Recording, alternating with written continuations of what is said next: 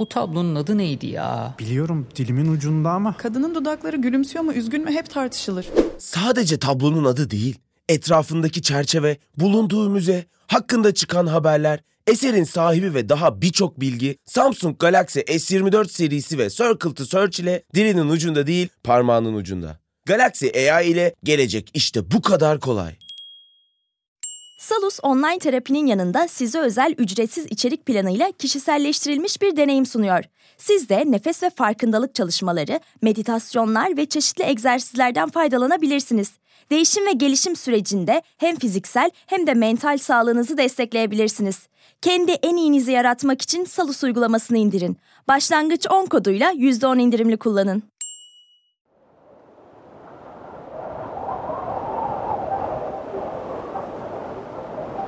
İyi, kötü. Doğru, yanlış. Hayırlı, hayırsız. Var hepimizin bir ahlaki temeli. Doğru kimine göre akışkan, kimine göre bir ve değişmez. Medeniyetin inşaatını tamamlarken binayı kapladığımız sıva gibi. Tüm boşluklarına sızan bir madde. Sıvada çatlaklar oluşunca hemen kapatırız oraları. Kaba inşaatı görmek hoşumuza gitmez pek. Rahatsız eder bizi. Bir zamanlar neye benzediğini, neye benzediğimizi görmek istemeyiz. Ama bir kaldıralım o sıvayı isterseniz. Soyalım medeniyet apartmanını baştan aşağı. Neyin üzerine inşa etmişiz? Çırılçıplak haliyle bir görelim. Hoşunuza gitmeyebilir ama. İnsanın özüyle tanışabilirsiniz. Dikkat edin. Daha da garibi hoşunuza da gidebilir. Bilemiyorum. Göreceğiz. Bilimsel ırkçılık, zorla kısırlaştırma, sosyal ayrımcılık, cinsiyetçilik, ırkçılık, genetik temizlik, üstün insan rüyası, fiziksel ve zihinsel yeterlilik yasaları, soykırımlar ve çok daha fazlası. Öjeniden bahsediyoruz. Bilim tarihinin kara lekesinden. Yeniden hortlamaya başlayan bir canavardan. Biz böyle diyoruz belki ama kimine göre hiç de fena bir fikir olmayan, hortlaması gereken bir canavar bu. Etik ve ahlak denen ince mi ince bir sicimin üzerinde yürümek gibi bu konu üzerine konuşmak. Düşmeden yürümeye çalışalım o halde. Ya da isterseniz aşağı atlayabilirsiniz. Bugün tüm değer yargılarımızı şöyle bir kenara koyuyoruz ve bir zamanlar dünyanın büyük bir bölümünde kitlelerin can siperhane savunduğu karanlık bir sayfayı açıyoruz birlikte. Öjeni sayfasını.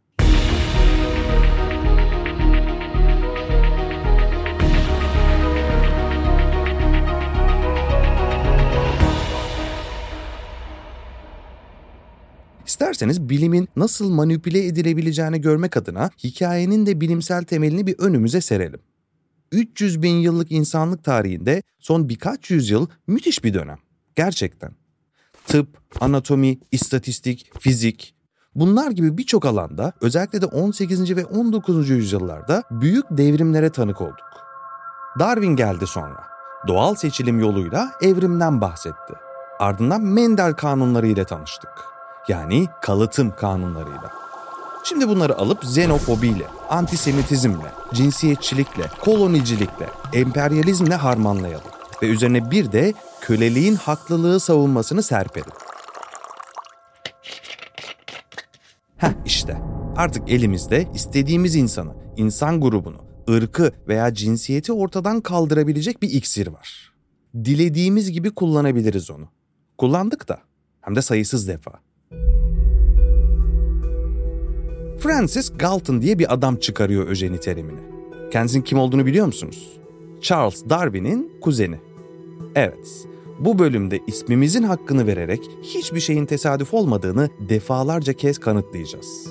Karşılaşacağınız sözde tesadüfler sizi bayağı bir şaşırtacak, emin olun. Daha garip bir şey söyleyeyim. Bu zayıfları ortadan kaldıralım anlayışının çıkış noktası da Darwin'in evrim teorisidir aslında. Yani Darwin bambaşka bir şey anlatmaya çalışıyordu. Ama çok dolaylı da olsa kendisi Yahudi katliamının bile sorumlusudur. O kadar da değil diyenler olabilir. Ama şöyle açıklayayım. Evrim teorisi dendiğinde doğal seleksiyondan bahsedilir ve bu en güçlünün hayatta kalması şeklinde yorumlanır. Darwin aslında güçlüden değil, uyumludan bahseder teorisinde. Yani güçlü olan değil, çevresindeki ortama en iyi ayak uyduran türlerin, uyumlu olanların hayatta kalabileceğini söyler. İşte kuzeninin bu teorisini alan Galton şöyle düşünüyor. E doğal seleksiyon varsa doğal olmayan seleksiyon neden olmasın? Yani bu süreci hızlandıramaz mıyız? Zayıfları kısırlaştıralım ve hatta öldürelim. Sadece güçlülerin üremesine izin verelim. Birkaç nesil sonra sonuçlarını görürüz zaten. Al sana süper hızlı doğal seleksiyon diyor. Francis Galton bu konuda fikrini beyan ettiğinde Darwin bayağı sinirleniyor. Kendisini çok yanlış anladığını, bu seleksiyonun doğal şekilde ilerlemesi gerektiğini, doğanın en iyisini bildiğini, hiçbir devletin ya da gücün insani değerleri, yaşama hakkını ayaklar altına alamayacağını söylüyor. Ve ölene kadar da bunu savunuyor Darwin. Galton da bunu bekliyor zaten. Yani Darwin'in ölmesini. Charles Darwin 1882'de öldükten hemen bir yıl sonra işte bu öjeni kavramını türettiği Inquiries into Human Faculty and Its Development isimli kitabını yazıyor. Bu arada öjeni Yunanca ögenes yani iyi doğan anlamına gelen kelimeden türetilmiş. Ama her şey burada başlamıyor elbette. Bu harekete örnek olacak sayısız uygulama vardı tarihte. Galton'a ve sonrasında çok daha korkunç çalışmalara örnek olacak girişimler.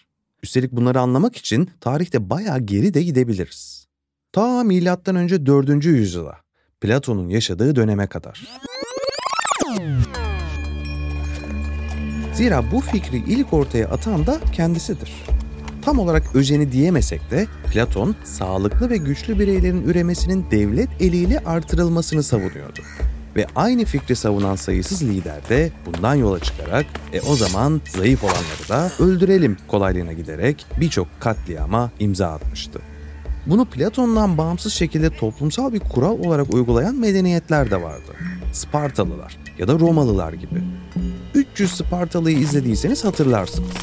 Çocuklar vahşi doğaya bırakılır ve güçsüz olanlar maalesef elenirdi. Bu sayede güçlü bir ırk ortaya çıkarmışlardı kendilerince. Ama işte bu olayın sözde bilimsel olarak teorileşmesi ve literatüre girmesi 1900'lerde olacaktı. Teorileştiren de Francis Galton'dı. Hatta derinlere inmeden önce biraz canınızı sıkayım mı? Tarihte çok sevilen, saygı duyulan birçok önemli isim de baya baya savunucusuydu bunun. Misal George Bernard Shaw, Nobel Edebiyat ve Oscar ödüllerini kazanan ilk insan. Sosyalizm ve kadın haklarının koyu savunucusu efsane yazar. Özellikle 1903 tarihli İnsan Üstün İnsan isimli oyununun da bulunduğu kitabının ön sözünde öjenik üremeden bahseder. Kontrollü üreme anlamında. Evlilik ve çocuk yapmanın sıradan insanların kararına bırakılamayacak kadar önemli olduğunu savunmuş ve her anlamda kaliteli genlere sahip insanların kontrollü bir şekilde bir araya getirilerek çocuk yapmalarının sağlanmasını söylemişti. Yine evlensin insanlar, sevişsinler de. Buna karışmayalım. Ama belirli koşullar altında çocuk yapabilmelerini kontrol edelim diyordu. Kendisi ayrıca katı bir aşı ve örgütlenmiş inanç karşıtıydı da. Başka bir öjeni savunucusu da Nikola Tesla'ydı. 1935'te Liberty dergisine yazdığı bir yazıda geleceğe dair tahminlerde bulunmuş ve 2100 yılında öjeninin evrensel bir şekilde uygulanacağını, dünyanın buna dönüşeceğini söylemişti acıma duygusunun doğanın zalimce gelen uygulamalarının önüne geçmeye başladığını, bu yüzden uygun olmayan genlerin hızlıca yayıldığını, bunun engellenmesi gerektiğini savunuyordu. Evlenmeyi çok zor hale getirmeliyiz. Zihinsel olarak sağlıklı olmayanları ve suçluları kısırlaştırmalıyız. Ancak bu şekilde medeniyetin geleceğini güvence altına alabiliriz diye de eklemişti. Yine şerhimizi düşelim. Başta söylemiştim. Hoşunuza da gidebilir bu fikirler. Burada tüm haklarınız saklıdır. Tartışıyoruz. Neyse. 20. yüzyılın ilk çeyreğine geldiğimizde Amerika'da öjeninin yasal ve organize bir şekilde uygulandığını görüyoruz. Hatta öjeni merkezleri açılıyordu devlet desteğiyle. Ama en çarpıcı örneğine hepinizin aklına gelmiş olduğunu tahmin ettiğim gibi Nazi Almanya'sında tanık olduk. Aryan ırkını yaratmak isteyen Nazilerin temel aldığı bilimsel dayanak da mevzu bahis öjeniydi işte. Doğal gelişimi kontrol ederek daha hızlı bir şekilde üstün ırka yani Übermenschen rüyasına ulaşmakta amaçları. Buraya daha detaylı girmeden önce Amerika'daki resme bir bakalım isterseniz. İngiliz Francis Galton farklı bilim dallarında yaptığı çalışmalarla Sir ünvanını da almıştı almasına. Ama öjeni en çok ses getiren çalışması oldu. Kendisi İngiltere'de bir üstün ırk yaratma rüyasını güdüyordu. Bu rüyası kendi ülkesinde pek karşılık bulmadı. Ancak dünyanın farklı ülkelerinde milyonlarca insanın kaderini korkunç bir şekilde etkileyecekti. Hikayenin devamında ise daha tüyler ürperten bir süreç bekliyordu bizi. Ama burada kısa bir mola verip kendimizi hazırlayalım. Zira geri döndüğümüzde insanlık tarihinin en karanlık dönemlerinden birine bir bakış atacağız.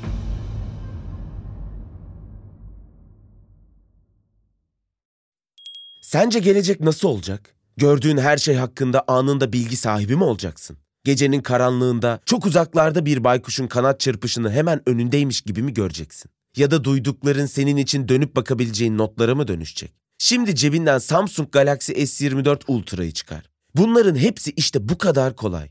Çünkü Galaxy AI ile yapay zeka çağı başladı. Galaxy S24 Ultra ile gelecek seni bekliyor. Salus uygulamasında klinik psikologların yanında online görüşme yapabileceğiniz farklı uzmanlar da var. Çocuk gelişim uzmanı, diyetisyen veya fizyoterapist. Bu sayede değişen ihtiyaçlarınıza uygun beslenme, egzersiz ve sağlıklı yaşam rutinleri oluşturabilirsiniz. Salus uygulamasını indirin ve başlangıç 10 koduyla %10 indirimden yararlanın. Detaylar açıklamalarda ve salusmental.com'da. Francis Galton'ın öjeni rüyası ilk olarak Amerika'nın Connecticut eyaletinde gerçeğe dönüşmüştü. 1896 yılında tırnak içinde medeni bir kanun çıkarıldı. Bu kanuna göre epilepsi hastası olan ya da akıl sağlığı yerinde olmayan insanların evlenmesi kesinlikle yasaktı. 1903'te Amerikan Üreme Kurumu'nun kurulmasıyla bu evlilik ve üreme konuları devlet eliyle de kontrol edilmeye başlandı. 8 yıl sonra yani 1911'de ise Irk Düzeltme Kurumu kuruldu ve ilk kez soy ağacı uygulaması başlatıldı. Başlatan da John Harvey Kellogg'tu. İsim tanıdık geldi mi bir yerlerden size? Hani şu sabahları yediğimiz mısır gevrekleri var ya, işte o firmanın kurucusu. John Harvey Kellogg aynı zamanda bir beslenme uzmanı ve girişimciydi. Nereden nereye değil mi? Hayata geçirilen bu kurum ve uygulamayla 1914, 1915 ve 1928 yıllarında ulusal konferanslar düzenlendi ve bir nevi ulusal bir harekette başlatılmış oldu. Bu bağlamda işleri daha da organize şekilde yürütmek için öjeni kayıt ofisleri kuruldu. Bu ofislerde aileler ve genetik özellikleri takip ediliyordu. Toplanan verilerle yayınlanan raporda uyumsuz ve zayıf olarak görülen gruplar tanımlanıyordu. Ve sürpriz olmayacak şekilde tırnak içinde bu zayıf ırklar çoğunlukla göçmenler, azınlıklar ve fakirlerden oluşuyordu. 1909 ile birlikte bu verilere dayanarak ilk organize kısırlaştırma uygulamaları başladı. Bu uygulamalar da özellikle Kaliforniya eyaletinde yoğunlaşmıştı. 1909 ila 1979 yılları arasında akıl hastanelerinin resmi kayıtlarına göre 20 bin kişi istekleri dışında kısırlaştırılmıştı. Bu sayede toplumun yeni nesillerinin akıl hastalıklarından korunacağı düşünülüyordu. Tahmin edeceğiniz üzere bu kısırlaştırmaların çok ama çok büyük bir bölümü azınlıklara uygulanıyordu. Ve Kaliforniya'da başlayan bu uygulama daha sonra 39 eyalete daha yayılmıştı. Kimlerin zayıf olduğunu ve ürememesi gerektiğini ise devletin görevlendirdiği yetkililer belirliyordu. Tüm bunlar yaşanırken Amerika Anayasa Mahkemesi 1927'de skandal bir karar aldı ve bu kısırlaştırmaların anayasayı hiçbir şekilde ihlal etmediğini açıkladı. Hatta hakimlerden biri olan Oliver Wendell Holmes tam olarak şunları söylemişti. Bu kadar embesille yaşadığımız yeter. Bu arada öjeniyi sanki çok eski bir mevzumuş gibi de algılamayın. Bundan daha 40 yıl önce bakın ne olmuştu. 1976'da yayınlanan bir raporda 1970 ila 1976 yılları arasında Amerikan yerlilerinin yani Kızılderililerin %25'i ila %50'sinin kısırlaştırıldığı açıklanmıştı. İşin daha karanlık yanıysa bu kısırlaştırmaların büyük bir bölümünün de apandis ameliyatı gibi diğer operasyonlar sırasında hastanın haberi dahi olmadan gerçekleştirildiği ortaya çıkmıştı. Hatta bazı durumlarda çocukların ameliyatları yapılmadan önce annelerinden çocuklarının kısırlaştırılmasına izin vermesi dahi isteniyordu. Annenin buna karşı çıkması halinde ise çocuğu ölüme terk ediliyordu. İnsan Hakları Beyannamesi'nin çıktığı özgürlükler ülkesi Amerika'da yaşananlar bu şekildeydi işte. Sonrasında Avustralya, Brezilya, Kanada, Japonya, Çin, Fransa, Norveç ve İsviçre gibi ülkelerde de benzer uygulamalar gördü bu tarih. Ama bir ülke var ki öjeni konusunda en kapsamlı ve en korkunç örneği teşkil ediyordu. Almanya'dan bahsediyorum elbette. Gelin buradaki çok ilginç bağlantılara bakalım beraber. Yahudi soykırımına yol açan arka planı inceleyelim. Bu işin çıkış noktası Amerika ve özellikle de Kaliforniya demiştik. Hatta Hitler Kavgam kitabında da buradaki uygulamalardan övgüyle bahsediyor. Ayrıca Spartalılara duyduğu hayranlığı da biliyoruz. Ama bu anlayışı Almanya'ya getiren Amerikalıların ta kendisiydi. Kaliforniya'da öjeni üzerine faaliyet gösteren kurumlar 1930'lu yıllarda tüm araştırma ve çalışmalarını Almanya'ya göndermeye başladı. Hatta bundan da önce 1927'de Kaiser Wilhelm Antropoloji Enstitüsü kurulmuştu. Burada fiziksel ve sosyal antropolojinin yanı sıra gen üzerine de araştırmalar yapılıyordu. Peki bilin bakalım bu enstitü kimin desteğiyle kurulmuştu? Cevap muhtemelen sizi şaşırtmayacak. Amerikalı Rockefeller Vakfı'nın çok büyük katkısı vardı bu enstitünün kurulmasında. Yine mi Rockefeller? Öyle. Bitti mi? Bitmedi. Joseph Mengele ismini duydunuz mu? Auschwitz'in Azrail lakaplı korkunç doktoru. Bahsedeceğim birazdan. Ama Mengele Auschwitz'te görevlendirilmeden önce yine Rockefeller Vakfı'nın finans desteğiyle birçok çalışma ve araştırma yürütmüştü. Korkunç deneylerine başlamadan önce gerekli deneyimi de bu sayede kazanmıştı. Bağlantılar, bağlantılar. Gelelim Hitler'e. Onun öjeniyle içli dışlı olmasıysa Landsberg hapishanesinde geçirdiği zamana denk gelir. Hitler ve kurduğu Nazi Partisi 1923 yılında bir darbe girişiminde bulunuyor. Bu girişim sırasında yaralanan Hitler kaçıyor. Fakat kısa sürede yakalanıp vatan hainliğinden 5 yıl hapis cezasına çarptırılıyor. Sadece 9 ay hapis yatan Hitler bu süreçte bir karar veriyor.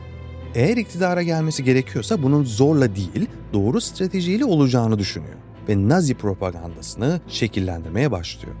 Hatta bu 9 ay içinde meşhur Mein Kampf kitabını da kaleme alıyor ve ırk temizliğiyle öjeni kavramını da propagandasının merkezine yerleştiriyor. Hatta yazdığı ancak ilk etapta yayımlanmayan ikinci bir kitabı da var Hitler'in. Bugün Zweites Buch yani ikinci kitap olarak yayımlanan bu kitabında Spartalılarla ilgili şunları söylüyor. Sparta bana kalırsa ilk safkan devlettir. Hasta, zayıf ve özürlü çocukların öldürülmesi bana kalırsa günümüzün doğum kontrolü ve kürtaj adı verilen insanlık dışı uygulamalarından çok daha insancıl ve şefkatlidir. Kürtajla, doğum kontrolüyle gelecek nesilleri bozacak zayıf ırkları engelleyemezsiniz. Hapishaneden çıktıktan sonra mitinglerle bu anlayışı ve Alman ırkının üstün olduğunu halka da kabul ettiren Hitler sonunda iktidarın sahibi oluyor. Ve 1933'te kalıtsal hastalıklara sahip nesillerin önlenmesi kanunu ile resmen başlatmış oluyor öjeni uygulamalarını. Bu yasaya göre Genetik Sağlık Mahkemesi'nin oluşturduğu genetik hastalıklar listesindeki ürememesi gereken insanların doktorlar tarafından bildirilmesi gerekiyordu. Bu bildirimi yapmayan doktorlarsa ciddi şekilde cezalandırılıyordu. Yasa çıktıktan sonra yaklaşık 400 bin kişi zorla kısırlaştırılacaktı. Kısırlaştırma bir süre sonra yetersiz ve yavaş bir yöntem olarak görülmeye başlandı ve ırk temizliğini hızlandırmak için Harheim Ötenazi Merkezi gibi kurumlar açıldı. Ötenazi dendiğine bakmayın. Bu merkezde de akıl sağlığı yerinde olmayan, genetik hastalıkları bulunan ve engelli insanlar rızaları olmadan öldürülüyordu. Bu ötenazi uygulamalarıyla 200 bin kişinin hayatına son verilecekti. Bu uygulamalar zaman geçtikçe daha da şiddetli bir hal aldı. Gaz odaları kurulmadan önce de cani yöntemler kullanılmıştı. Örneğin hastalar bir otobüse dolduruluyor ve egzoz gazının içeri verilmesiyle insanlar sözde yasalar gereği temizleniyordu. Sonrası ise gaz odaları, toplama kampları ve öjeni kanunları ile birlikte türlü işkenceler. Milyonlarca insanın öldürülmesi, yakılması ve deneylere tabi tutulması. Tüm bunlar halka kabul ettirilirken de sürekli söylenen bir şey vardı. Sağlıklı ve güçlü insanlar savaşlarda hayatını kaybederken işe yaramaz engelli ve hasta bireylerin yükünü neden onlar çekiyor? Ve en kötüsü de evrim teorisine kadar dayandırılan bu öjeni uygulamalarının gayet bilimsel, doğru ve mantıklı olduğuna ülkece inanılıyordu. İkinci Dünya Savaşı'nın ardından yani tüm kabus sona ermeye başladıktan sonra bu yola baş koymuş tüm bilim insanları ve kurumlar elbette kendini bu olgudan uzaklaştırmaya başladı. Social Biology diye bir dergi vardır mesela.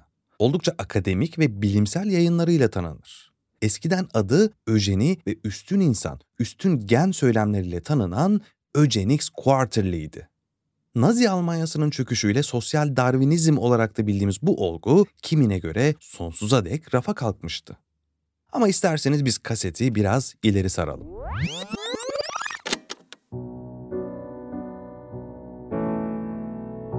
...2003 yılı. İnsan Genom Projesi tamamlandı. Genetik şifrelerimiz çözüldü.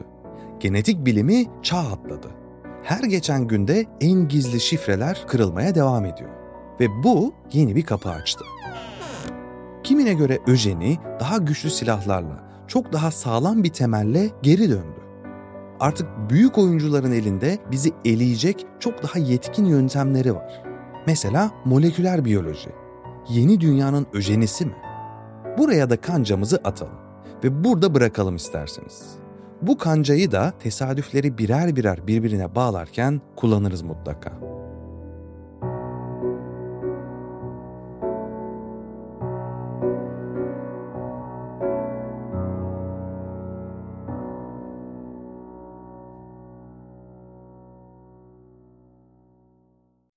Boğa ve Venüs arasında 120 derece üçgen açılarla desteklenecek. Yeni ay ve devam eden süreçlerde tutumlarımız önem kazanacak. Özetle pozitif olun. Notlarını istediğin gibi özetleyen not asistanı Samsung Galaxy S24 serisinde. Galaxy AI ile gelecek işte bu kadar kolay.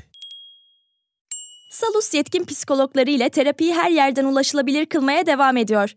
Yaşam tarzı değişiklikleri, adaptasyon sorunları, yalnızlıkla başa çıkma gibi konularda online terapi desteği için Salus uygulamasını indirin. Başlangıç 10 koduyla %10 indirimli kullanın.